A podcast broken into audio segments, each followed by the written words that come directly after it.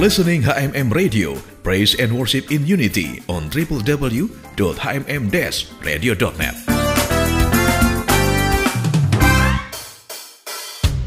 Sobat HMM, maraknya penyalahgunaan narkoba terutama oleh generasi muda saat ini sangat membahayakan keberlangsungan hidup bangsa ini di kemudian hari. HMM Radio sesaat lagi akan menghadirkan bincang GMDM, sebuah program hasil kerjasama radio HMM dengan Bakornas GMDM, Badan Koordinasi Nasional Gerakan Mencegah Daripada Mengobati. Selamat mengikuti.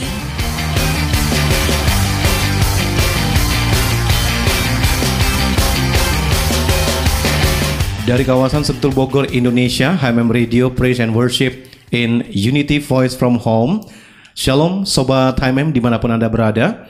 Senang sekali saya Obed bisa hadir kembali dalam talk show bersama GMDM Garda Mencegah dan Mengobati. Topik hari ini membahas tentang Indonesian Be Arise and Shine atau Indonesia Bersinar. Menurut saya pribadi, ada beberapa hal atau strategi yang perlu diterapkan atau dilakukan atas Indonesia mengenai apa yang harus dilakukan untuk menciptakan Indonesia bersinar atau bersih dari narkoba. Yang pertama adalah melakukan operasi bersama menutup celah penyelundupan narkoba. Lalu kemudian juga ada pemberdayaan generasi muda secara lebih kreatif Ketiga, pengawasan dan operasi bersama di lembaga permasyarakatan. Kemudian pastinya penguatan lembaga rehabilitasi. Kalau bisa dijabarkan seperti ini. Peningkatan terapi dan rehabilitasi pecandu dan penyalahguna narkoba tahun lalu tuh ada sekitar 18.000 yang sekarang meningkat menjadi 100.000. Uh, maka dari itu kita semua harus memerangi yang namanya narkoba dengan menghimbau para penegak hukum agar meningkatkan keberanian menghukum mereka tanpa pandang bulu atau tanpa pandang perekonomian, status dan apa pun itu. Kemudian juga di balik itu selain pengedar narkoba pastinya pengguna. Lalu ada tingkatkan pengawasan di lembaga permasyarakatan yang menampung para penjahat narkoba karena hal itu uh, akan menyebabkan LP atau lembaga pemasyarakatan terhindar dari sarang peredaran narkoba. Dan yang terakhir menurut saya pribadi adalah kita harus yang namanya tahu nih modus-modus atau jenis-jenis orang-orang yang hendak mengedarkan narkoba dengan sistem penyelundupan baik di makanan, kemudian di barang dan lain sebagainya. Sekian. Narasumber dalam perbincangan GMDM kali ini Langsung saja saya ingin menyapa yang pertama Shalom Mas Bambang. Shalom. Apa kabar? Baik. Iya, tolong dipak ambil dulu Baik. mikrofonnya. Iya. Gimana Mas Bambang kabarnya hari ini? Wah, luar biasa kabarnya hari ini. Sibuk banget ya? Aduh, dengan berbagai aktivitas ya kita jalani, kita melayani mm-hmm. dengan berbagai uh, kesibukan. Memang kelihatannya ya tidak berarti bagi kita, tapi ya berarti kita untuk melayani Tuhan. Iya, biar pendengar HMM ini bisa ingat lagi Mas Bambang nih yang mana ya GMDM. Nah tugasnya apa nih Mas Bambang? Ya, saya masih Mas Bambang yang dulu. Nah, saya sebagai kepala divisi untuk rehabilitasi. Saya di sini ya sebagai petugas uh, apa sekaligus ya. menjadi konselor adiksi, uh -uh. menjadi konselor adiksi mendampingi dan uh, mensupport mereka yang sedang menjalani program untuk rehabilitasi rawat inap dan rehabilitasi rawat jalan yang kami adakan dari uh, pihak rehabilitasi PWL GMDM Garda GMDM. Mencegah dan Mengobati. Iya, terima kasih Mas Bambang Siap. sudah refresh kembali biar sobat HMM juga tahu nih Mas Bambang sudah pernah ah. ya uh, talk show dengan kita di HMM Radio. Siap. Tapi karena sudah lama jadi agak uh, uh, gitu ya. Tapi nggak apa-apa Mas Bambang, tetap semangat. Tetap semangat, iya. tetap semangat. Kemudian Mas Bambang tidak sendiri sobat HMM ini juga sudah pernah. Langsung saya saya menyapa. Iya. Ada rekan Christine Simorangkir, Shalom. Shalom. Iya, apa kabar nih Christine? Puji Tuhan luar biasa. Iya, udah lama juga nih Sobat HMM nggak dengar suaranya. Iya, cukup lama ya. Nah, kalau nggak salah Christine juga di bagian konselor ya? Iya, konselor adiksi. Adiksi. Nah, itu jadi uh, mendampingi juga mereka yang direhab Ya, mendampingi di IPWL GMDM. IPWL GMDM khusus hmm. untuk rawat inap saya lebih banyak. Oh, lebih banyaknya rawat inap, inap ya. Oh, kalau tadi Mas Bambang kan rawat jalan dan rawat inap, Iya. tapi eh, Christine lebih Ke rawat inap. rawat inapnya. Pasti sibuk juga ya hari-hari ini ya. Lumayan. Tapi luar biasa Sobat HMM ini Mas Bambang dan Christine mau memberikan waktunya ya untuk bersama-sama dalam talk show ini dan dengan tema yang luar biasa Indonesian Be Arise and Shine atau Indonesia bersinar. Nah, saya coba ke Mas Bambang dulu ini. Mas Bambang, ini kan temanya mengenai Indonesia bersinar. Apakah hari-hari ini Indonesia kurang bersinar nih sampai ada tema ini? Ya. Silakan Mas Bambang. Kalau saya singkapi dari eh, tema ini Indonesia eh, bersinar ya. Memang Indonesia sekarang sedang sedang padam seperti seperti cuaca bulan ini juga. Sedang ekstrim. Hmm. Ah, sedang pancaroba. Berbagai sektor, berbagai eh, kehidupan, berbagai kesehatan justru sekarang eh, di rumah sakit rumah sakit juga sempit gitu untuk penderita gitu loh. Yang sekarang sedang marak itu pandemi corona di 100 negara. Indonesia sudah sudah mencapai satu juta loh yang terpapar. Gitu, bukannya narkoba lagi. Jadi ya dari penyakit juga ya kita wajib dan untuk bisa menjaga 5M. Di antaranya memakai masker, mencuci tangan, terus apa menjaga jarak, meni- jangan lupa meningkatkan iman dan imun. Hmm, itu dia. Iya, Jadi jadi, kita tetap tuh ya. semangat, jadi jangan juga kita jadi malah ngedrop imun kita malah penyakit itu malah merajalela, malah uh, menguasakan diri kita Betul. Jadi memang tingkatkan iman, dan imun. imun. agar bisa Indonesia bersinar. Iya. Kita berbagi untuk seluruh gitu. Kita sangat prihatin untuk Indonesia yang sekarang. Iya. Antara lain dari narkoba dan dari segi uh, musibah, wabah. Musibah. Iya. Nah, kalau Christine sendiri nih melihatnya bagaimana dengan situasi yang dihadapi Indonesia nih hari-hari ini? Iya benar ya, setuju dengan Pak Bambang yang kita sama-sama tahu bagaimana eh, keadaan bangsa kita saat-saat ini yang memang ekstrim ya. Bagaimana pandemi, bencana alam, belum kemarin jatuhnya pesawat juga. Jadi memang sekaligus terjadi bersama-sama dan eh, rasanya keadaan saat ini ya seperti cuaca kata Pak Bambang ekstrim ya. Tapi Ekstrim. memang eh, dari tema ini kita seperti apa ya? Seperti kita tetap membangkitkan pengharapan kalau Indonesia walaupun keadaannya seperti ini pasti mampu bersinar. Betul. Nah, ini jadi memang harus ada optimisme ya, Christine ya. Nah, Mas Bambang, ini eh, tadi kan sempat dikatakan eh, situasi memang hari-hari ini karena pandemi juga, kemudian bencana alam terjadi di mana-mana karena ekstrimnya cuaca. Walaupun terlihat secara kasat mata nih memang sepertinya seakan-akan ya, tapi kan sebagai orang percaya kita selalu yakin bahwa Indonesiaku tercinta ini tetap bersinar gitu ya. Nah, kira-kira nih sasaran mana nih yang mau dituju di golongan yang mana ini? Yang supaya mereka ini apa ibaratnya bers- tetap bersinar walaupun situasi terjadi hari-hari ini. Ya, kalau dari kacamata saya, saya lihat dari golongan apa? Dari golongan yang produktif. Golongan yang mau berkarya, yang mau semangat untuk Indonesia. Jadi kita juga jangan jadi madesu, masa depan suram. Itu dia. Iya, jadi kita nggak mau ada nggak ada pengharapan. Jadi kita terus bergerak gitu. Seperti ada ada filosofi ora et labora. Berdoa dan berusaha.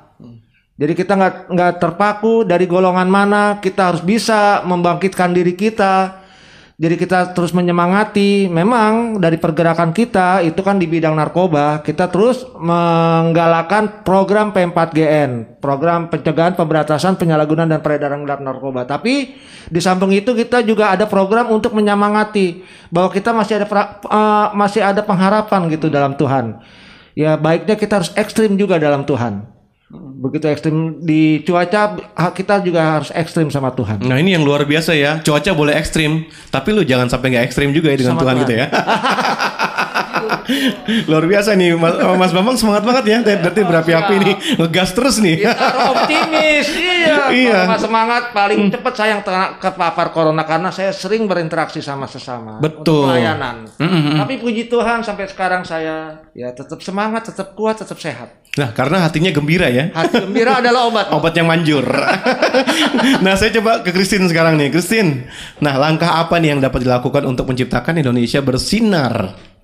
Ya, rasanya memang tidak cukup hanya peran pemerintah sebenarnya untuk menjadikan Indonesia bersinar. Dan seluruh rakyat, ya, rakyat Indonesia bertanggung jawab, punya tugas yang sama sebenarnya. Termasuk hal sederhana yaitu kita eh, mendukung program pemerintah yang saat ini sudah digalakkan tentunya. Ya, kita sama-sama tahu bahwa ini enggak mudah untuk dilalui. Jadi bersama kita bisa gitu. Pemerintah bersama dengan rakyat berjuang bersama-sama. Seperti misalnya penanganan eh, untuk pandemi ini, kita taat protokol kesehatan untuk menangani misalkan bencana yang saat ini banjir, mungkin gempa. Ya kita lihat juga dari media sosial ya, tentunya saya lihat banyak juga yang be- seluruh lapisan masyarakat juga berjuang untuk memberikan bantuan juga Iya. gitu. Jadi ya memang termasuk GMDM juga ya Pak Bambang ya. Kita mungkin tidak hanya di narkoba tapi apa yang kita bisa bantu untuk sesama kita bantu semampunya kita, semampunya GMDM begitu ya nggak cuma narkoba, mungkin kita bisa berbagi sembako juga. Jadi memang semuanya harus berperan aktif. Ya, apalagi anak-anak Tuhan yang percaya tetap berdoa. Betul. Tuhan pasti pulihkan bangsa kita. Gitu. Amin. Jadi ya langkah-langkahnya itu sih kita bekerja bersama, berdoa mengandalkan Tuhan dan tetap dukung program pemerintah. Iya. Ya termasuk vaksin juga. Betul. Tadi yang disampaikan Christine ini selaras ya dengan Mas Bambang. Iya, Jadi betul. bukan hanya berdoa tapi ada tindakan gitu ya. Tindakan. Tadi kalau Mas Bambang bilang ora et labora. Betul. Nah, tadi saya tertarik banget itu dengan kita sebagai apa warga negara juga harus berperan ya. Iya. Jangan hanya nunggu nih pemerintah memutuskan apa, apalagi kebanyakan juga mungkin banyak juga yang agak sedikit mengkritik gitu ya. Ya, menuntut, mengkritik. Seharusnya kita nggak gitu ya Christine ya. Iya, seharusnya kita nggak seperti itu. Hmm. Jadi memang betul-betul pro karena kita tahu ya pemerintah sedang berjuang ya. Pemerintah sangat sedang berjuang karena seperti kata Pak Bambang tadi, segala sektor kehidupan ya ekonomi juga. Jadi memang sangat dibutuhkan eh, apa ya peran serta dari masyarakat untuk mendukung program pemerintah sih. Nah itu jadi Sobat HMM yang sehari ini dengar ya Kalau bisa kita juga sama-sama nih menyuarakan Harus eh, bekerja eh, maksimal juga ya. Melakukan sesuatu bukan hanya menuntut Tapi juga penopang apa situasi yang saat ini negara kita hadapi. Pemerintah ini pasti juga berpikir Bekerja keras. Jangan ditambahin lagi dengan kritik yang justru membebani gitu Kristen Iya, ya. betul. Memang pemerintah punya tugas Tapi warga negara juga harus ambil bagian di dalamnya. Betul sekali. Gimana nih Mas Bambang? Pastinya eh, dengan statement seperti itu untuk menciptakan Indonesia bersinar, apakah eh, kita juga memang seperti yang disampaikan oleh Christine tadi? Ya, saya setuju apa yang dikatakan sama Christine dengan peran serta masyarakat itu sangat berarti bagi kita untuk bisa menciptakan Indonesia bersinar. Ya, Indonesia bersinar bukannya dari dengan serta merta instan begitu aja, tapi dengan proses. Dengan proses ya, dengan upaya, usaha, dengan semangat, dengan optimisme dari penduduknya. Gitu. Bukannya dari pemerintahnya.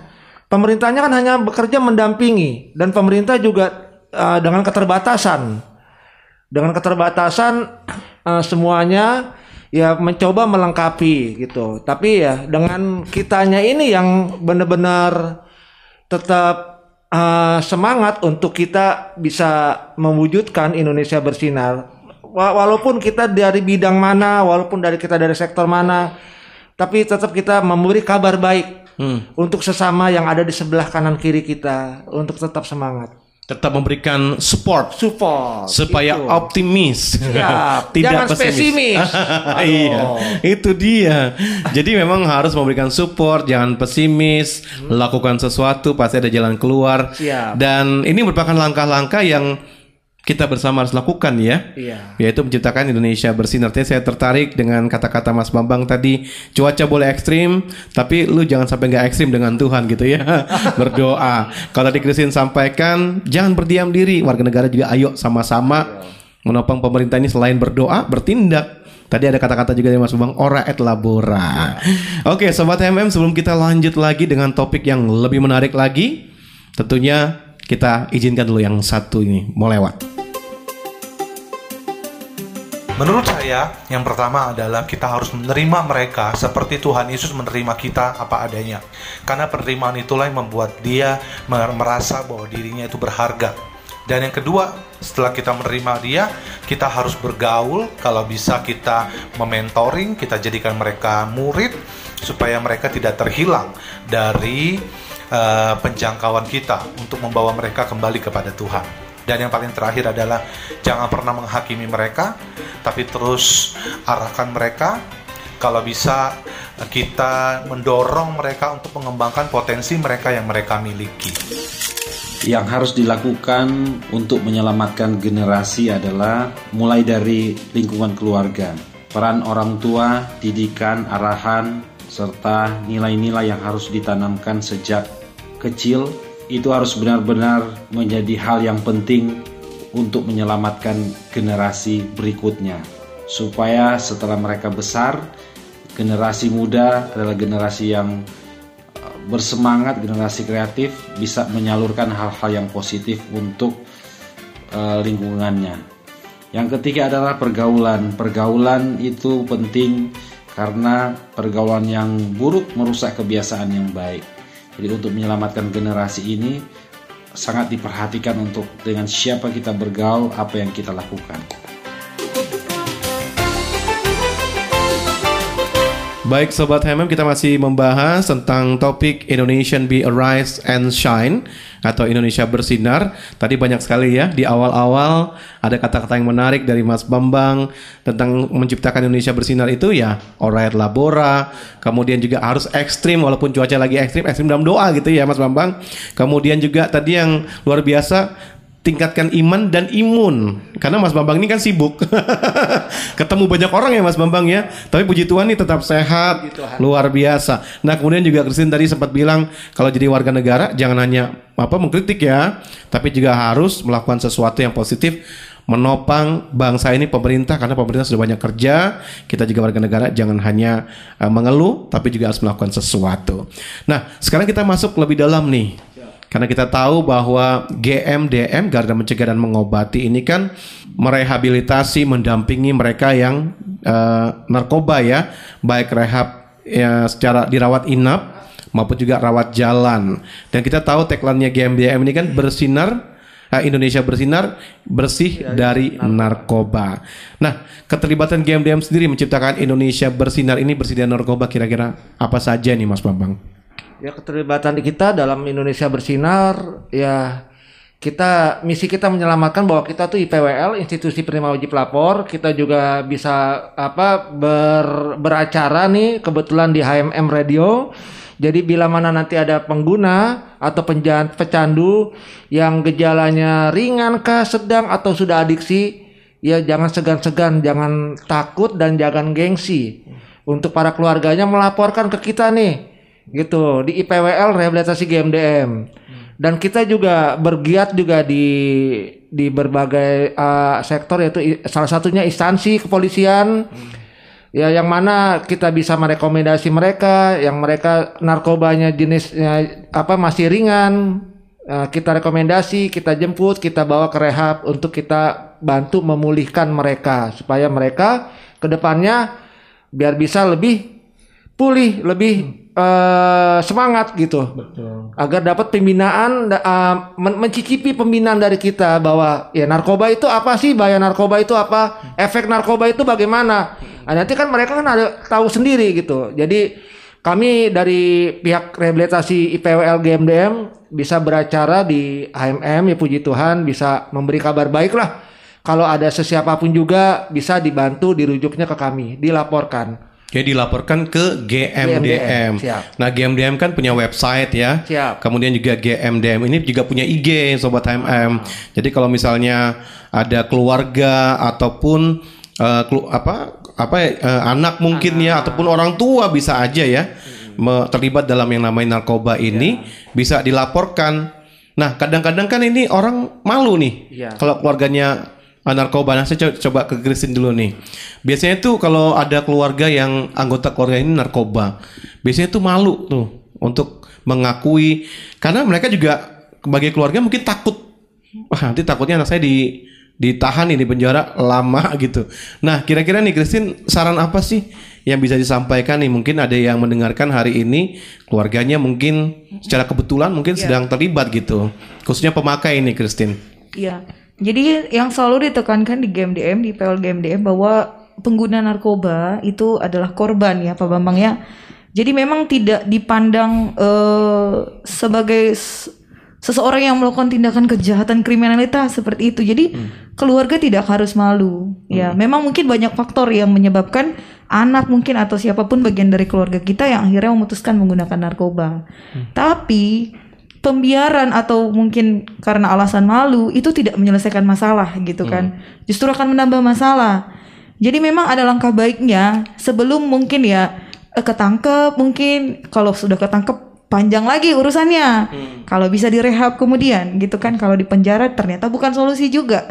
Jadi memang adalah pilihan terbaik sebenarnya ketika apabila ada keluarga yang mungkin anggota keluarganya ya diketahui menggunakan narkoba, langkah yang paling baik itu adalah menyerahkan atau membawa ke rehabilitasi. Dalam hal ini ya tentu IPWL GMDM. Iya. Iya, kami juga eh, apabila mungkin kan ada keluarga mungkin yang enggak yang mungkin anaknya atau bagian keluarganya yang tidak mau atau keberatan untuk datang melaporkan diri sendiri ke rehab, kita juga bisa intervensi untuk penjemputan bekerja sama dengan keluarga. Jadi tidak ada masalah sebenarnya, bisa kita fasilitasi untuk kita yang datang dengan penjemputan atau mungkin keluarga yang datang ke rehab. Jadi bagaimana baiknya, bagaimana enaknya kita bisa bekerja sama. Jadi intinya nggak perlu malu Ya ya. perlu malu. Apalagi tentunya. takut. Iya ya kan? benar. Kadang lebih baik langsung GMDM Iya. yang tahu dan tangani supaya langsung masuk rehab gitu Iya, ya. dan ra- dirahasiakan kok datanya seperti itu. Jadi memang tidak di blow up ya, tidak di dipublikasikan enggak. Karena kerahasiaan klien juga terjamin gitu akan dirahasiakan sampai selesai program gitu kan. Iya. Nah, itu yang banyak orang itu nggak tahu. Iya, betul. Ya kan? Biasanya kalau sudah narkoba mau pemakai kayak mau mereka kalau yang biasa ditahan kan mereka pengedar ya. Atau kurir, Ini ah. pemakai kayak pokoknya intinya udah langsung larinya ke hukum. Padahal Iya. sebenarnya kalau dikatakan tadi sebenarnya ini bukan kasus kriminalitas ya. Masuknya untuk direhab gitu ya. Ya, karena mereka korban. Karena mereka korban. Iya. Nah, ini yang memang harus diketahui oleh semua orang masyarakat di mana pun berada yang mungkin kebetulan dengarkan HMM Radio nih saat ini ya. Nah, saya coba ke Mas Bambang nih karena beliau ini yang paling sering ngejemput ya. Gimana nih ceritakan dulu pengalamannya pengalaman saat menjemput nih mereka yang narkoba apakah GMDM itu ditelepon dipanggil atau bagaimana? Ya, jadi kadang kita banyak eh, segi untuk kita lanjutkan ke intervensi. Kadangkala ada keluarga yang menelpon ke saya, lalu dia sudah nggak tahan lagi bahwa anaknya tuh sudah menjadi seperti monster. Iya, sampai orang tuanya juga diuber-uber pakai pisau mau dibunuh karena anaknya juga sudah adiksi. Iya, su- anaknya sudah berubah pola pikirnya gitu. Jadi apa saya tarik ah, keluarganya untuk datang dulu. Eh, datang bicara apa sih yang kami harus tangani, apa yang kami harus singkapi, yang apa yang kami harus bisa bantu. Jadi keluarga itu menyuarakan, keluarga itu eh, me- me- mengungkapkan gitu perasaannya bagaimana. Lalu kita juga di situ minta kerja sama keluarga. Ada ya surat yang harus ditandatangani lah untuk pelengkap eh, berkasnya. Di situ lalu kita juga butuh kerja sama keluarga, baru kita eh, siapkan tim untuk kita lanjutkan ke sana, untuk kita lakukan eh, penjemputan paksa, karena ini kan menyelamatkan daripada dijemput sama polisi, Lebih baik GMDM yang dijemput jemput ya? sama rehab untuk di dibetulkan perilakunya, diperbaiki kelakuannya, supaya kelu- eh, anak ini biar bisa bisa pulih, gitu. Karena di rehab itu kan diperbaiki, Betul. Ah, ah. bukannya dipidanakan. Iya. Jadi dibina, Dibina. supaya berubah. Nah saat menjemput itu apakah mereka lagi kambuh ataukah lagi tenang-tenang atau gimana tuh? Iya, rata-rata yang kita jemput itu sedang putus jat. Satu putus jat itu sedang ada dia tuh bad moodnya. Hmm. Sedang putus jat sudah sudah biusnya tuh sudah habis. Oh. Jadi yang ada tuh perasaannya tuh sensitif. Yang ada tuh berkecampuk lah, berkecamuk pikirannya. Bawaannya tuh marah aja sama siapa pun lawan bicaranya. Walaupun itu orang tuanya. Makanya yang tadi saya bilang ada salah satu anak saya yang udah kayak menjadi monster pak. Tolong pak dibantu pak, dijemput pak gitu, direhab pak. Tapi ya kemarin sudah kita eh, dua bulan yang lalu kita lakukan penjemputan. Jadi anak itu sudah capek tidur di teras rumahnya sampai nggak pakai baju, nggak pakai apa ya, pakai celana pendek, tapi di tangannya menggenggam pisau, Hmm. pisau dapur. Ya, kita intervensi dia, kita bawa, kita jemput paksa. Ya puji Tuhan, Tuhan juga bisa memulihkan kok. Perantaranya dari kita game Dan akhirnya Anak dia itu mau sudah ya? pulih. Udah pulih ya? Iya, udah. Nah, nah saya coba sekarang ke Christine ini, menarik sekali ya. Tadi ada penjemputan, kemudian kalau bisa ya keluarga itu menyerahkan sendiri ya, menghubungi. Nah sejauh ini kalau Christine sendiri melihat, apakah eh, cara-cara tadi tuh yang disebutkan, apakah itu sudah maksimal gitu di GMDM ini sendiri? Eh, kita tetap optimis ya Pak Bambang ya. Kalau ini ini saat ini memang ini yang sudah kita mampu lakukan. Tentunya ke depan akan lebih banyak lagi yang kita bisa lakukan. Jadi memang sejauh ini kita sudah ma- sudah berjuang berusaha maksimal dengan keterbatasan juga yang ada. Kita bangun relasi dengan banyak instansi pemerintah, kita berrelasi juga dengan sekolah-sekolah, kita berrelasi dengan gereja-gereja bahkan lembaga-lembaga yang lain. Kita publikasi juga di media sosial bahkan sekarang kita ada podcastnya juga. Wow, keren ya. Ah, ah. Jadi segala macam yang kita bisa mampu lakukan, bagaimana caranya supaya ya para pecandu atau pemakai narkoba ini bisa dipulihkan gitu, bisa Hmm. bisa bisa apa ya bisa dipulihkan oleh Tuhan lah Iya. tentunya. Jadi memang ke depan ada banyak program juga dari GMDM. GMDM tentunya. ya. Ah, Tadi iya. salah satunya dari podcast gitu Ya, ya. ini baru awal tahun tentunya banyak kegiatan ya Pak Bambang ya. Iya. Karena belum ada kegiatan sekolah kita pakai Zoom juga untuk bisa menjangkau banyak sekolah-sekolah juga. Jadi menggunakan segala sesuatu Fasilitas, teknologi ah, fasilitas eh, fasilitas Iya, teknologi ini ah, ya. Betul, ya. Kita nggak boleh dengan keadaan sekarang ini yang serba susah ini nggak boleh menyerah gitu. Betul. Justru peluang apa nih? Apalagi nih yang bisa dilakukan oleh GMDM gitu. Jadi ya tetap semangat lah. Iya, intinya tadi menciptakan Indonesia bersinar, Bersinar. bersih dari, Dari narkoba. narkoba. Nah, sobat HMM, nanti di akhir uh, talk show kita tentunya Anda juga akan kami infokan mengenai nomor uh, yang bisa Anda hubungi. Untuk itu sobat HMM dengarkan program ini, talk show ini sampai selesai ya. Kita izinkan dulu yang mau lewat berikut ini. Keluarga itu buat saya adalah tempat yang paling nyaman di muka bumi ini. Tuhan berikan keluarga sebagai tempat menaruh segala perasaan, baik itu senang ataupun sedih. Keluarga adalah lembaga terkecil yang Tuhan bentuk atau ciptakan. Keluarga itu bukan hanya sekedar sekumpulan orang yang memiliki ika- ikatan darah dengan kita, tetapi keluarga itu adalah rumah di mana kita bisa berpulang ketika kita lagi di low position in life. Keluarga itu bisa jadi healing pills, bisa jadi penyembuh, bisa jadi obat waktu kita lagi eh, ngehadapin semua hal-hal yang nggak baik yang terjadi di dalam hidup kita. Keluarga menurutku adalah suatu ruang atau tempat di mana bisa bebas melakukan apa pun atau berekspresi seperti apa tanpa adanya diskriminasi atau judgement terhadap kita. Dan bisa jadi pilihan sandaran ketika berada di titik terlemah kita dari hiruk pikuk dunia luar gitu dengan cukup berada di tengah mereka itu udah berikan ketenangan dan kenyamanan.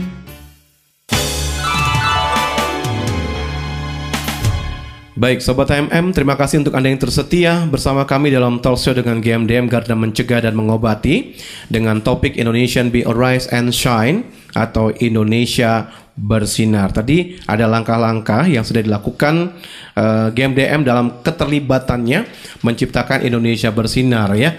Tadi sudah uh, selain rehab, kemudian juga ada tadi penjemputan kalau misalnya ada keluarga yang anggota keluarganya mengalami terlibat dalam pemakaian narkoba, mungkin malu atau takut bisa menghubungi rekan-rekan di GMDM karena ada penjemputan gitu ya komunikasi dengan keluarga itu juga selalu laku, dilakukan kayak misalnya uh, aftercare ya setelah Aftercare, rehab kemudian iya. juga ada yang untuk acara keluarga gitu ya nah saya coba ke Christine tadi kan ada aftercare kemudian juga uh, family apa tadi gathering ya atau gimana Family sup- Eh, support family group. support group.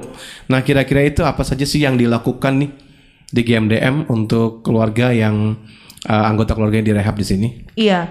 Jadi memang kita ada pertemuan rutin yang kita lakukan dengan keluarga dari residen gitu, dari klien.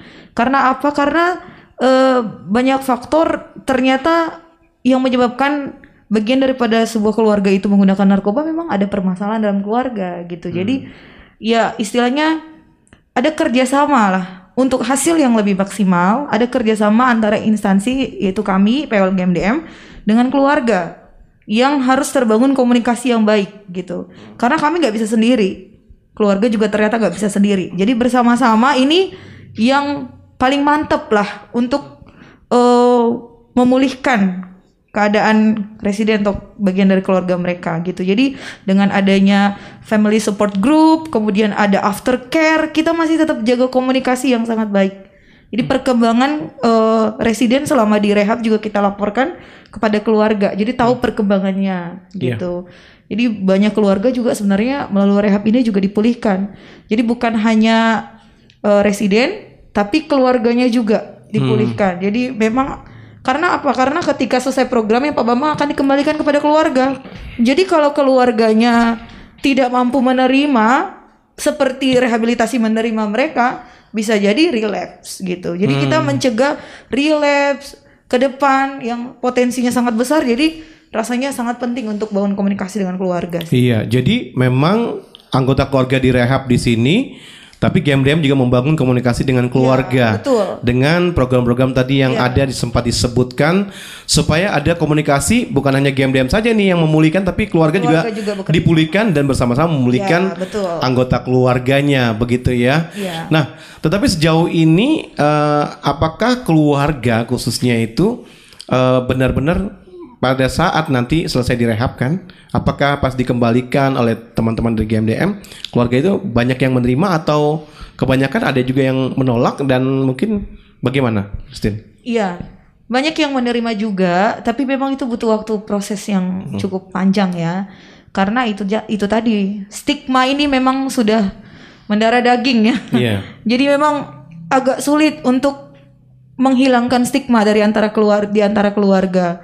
Jadi banyak juga yang keluarganya akhirnya mampu menerima menerima kembali keluarga. Tidak ada perubahan. Maksudnya memang sudah dipulihkan. Tapi ada juga kita tidak menutupi juga ada keluarga yang tetap masih menstigma Hmm. keluarganya gitu. Ah, belum berubah, belum berubah. Nah, ini yang harus kita juga berikan pemahaman kepada keluarganya gitu. Hmm. Bahwa stigma ini ya jangan sampai berlarut-larut begitu. Karena ya bagaimana mereka mau pulih kalau masih stigmanya masih seperti itu Mm-mm. gitu. Dan ini pastinya tantangan ya, Tantangan juga yang buat dihadapi kita. oleh. GMDM Iya. dan tim pada umumnya. Nah, saya coba ke Mas Bambang nih. Bagaimana caranya nih kiat-kiat agar Mas Bambang dan tim GMDM semuanya ini nggak gampang menyerah ini untuk menghadapi situasi ini. Ya, nggak gampang menyerah itu kita harus harus berawal kedekatan kita sama Tuhan. Kita berdoa, kita minta kekuatan, minta hikmat dari Tuhan. Apa pun yang kita lakukan itu semuanya menyenangkan hati Tuhan. Bukannya kita, kita keterbatasan sebagai Betul. tim GMDM. Iya. Walaupun eh, nama kita udah besar, Iya. tapi kita perlu Tuhan yang yang lebih perkasa yang sanggup memulihkan mereka. Wow, ini luar keluarga. biasa ya. Jadi memang kita menyadari hal itu bahwa kita manusia ini terbatas, kita perlu Tuhan.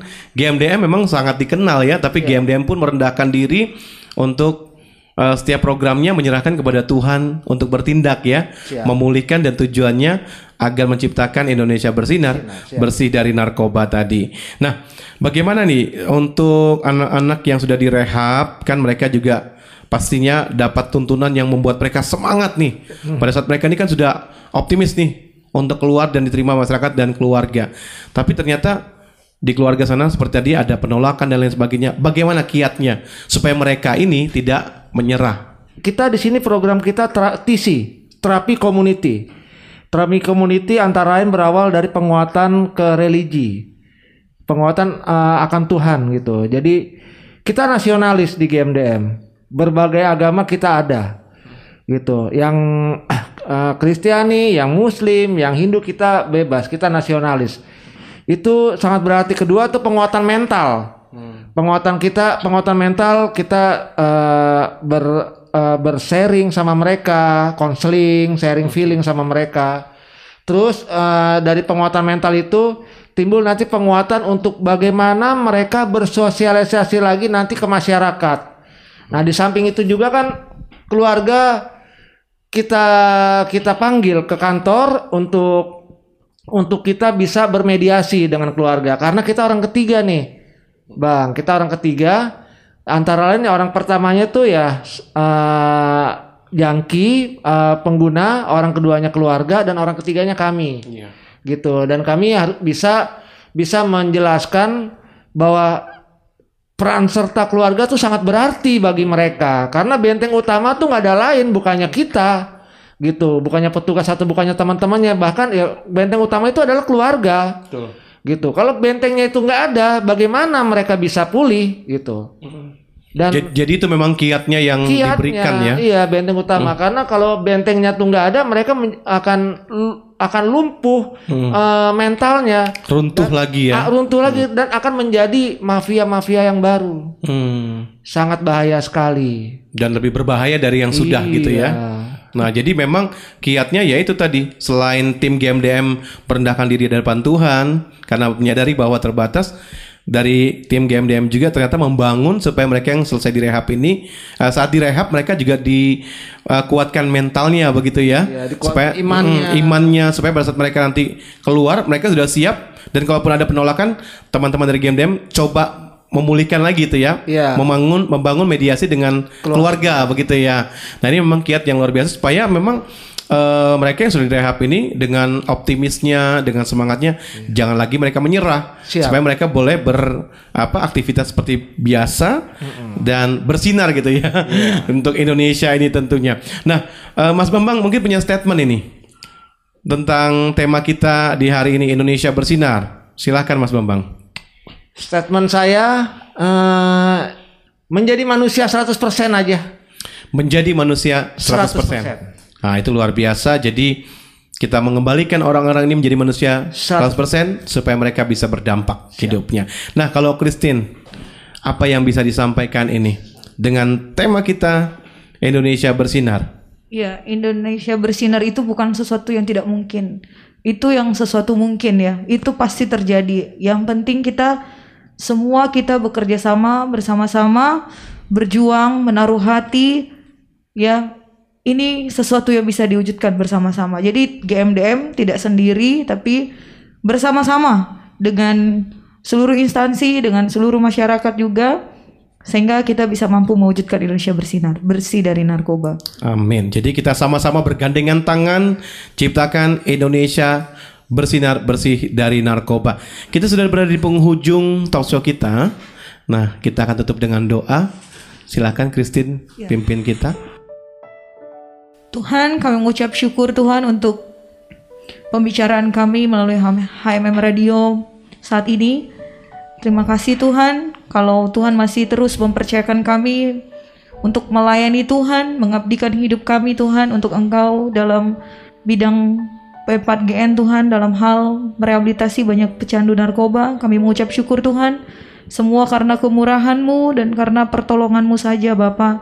Dan kami percaya Tuhan, kami mampu ketika kami bersama-sama Tuhan mewujudkan Indonesia bersinar, Indonesia bersih dari narkoba. Walaupun Tuhan mungkin secara jasmani kami melihat bahwa pecandu semakin banyak Tuhan, tapi kami tidak akan putus semangat Tuhan.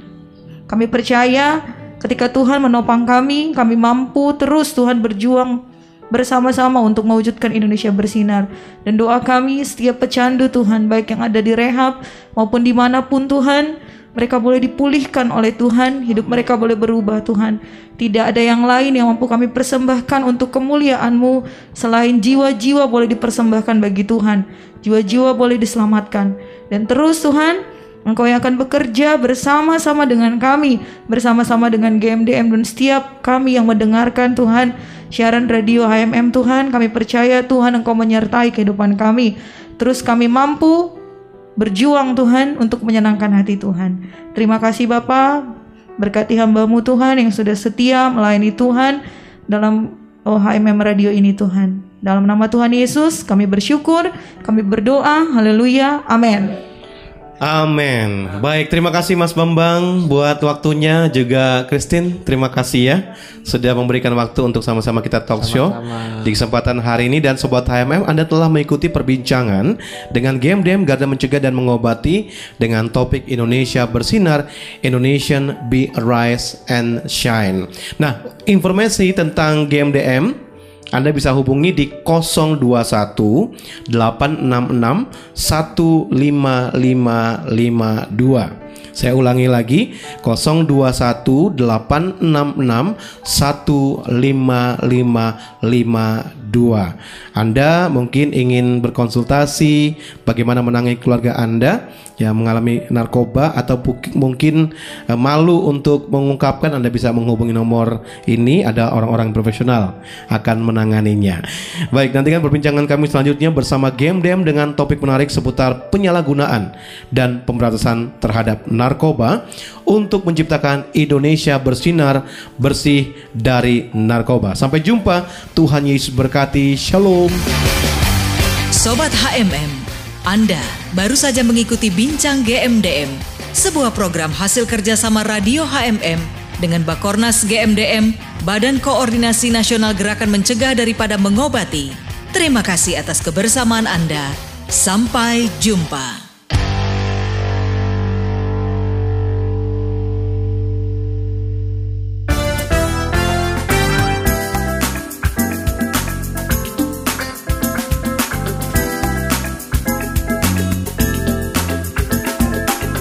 Listening HMM Radio, Praise and Worship in Unity on www.hmm-radio.net.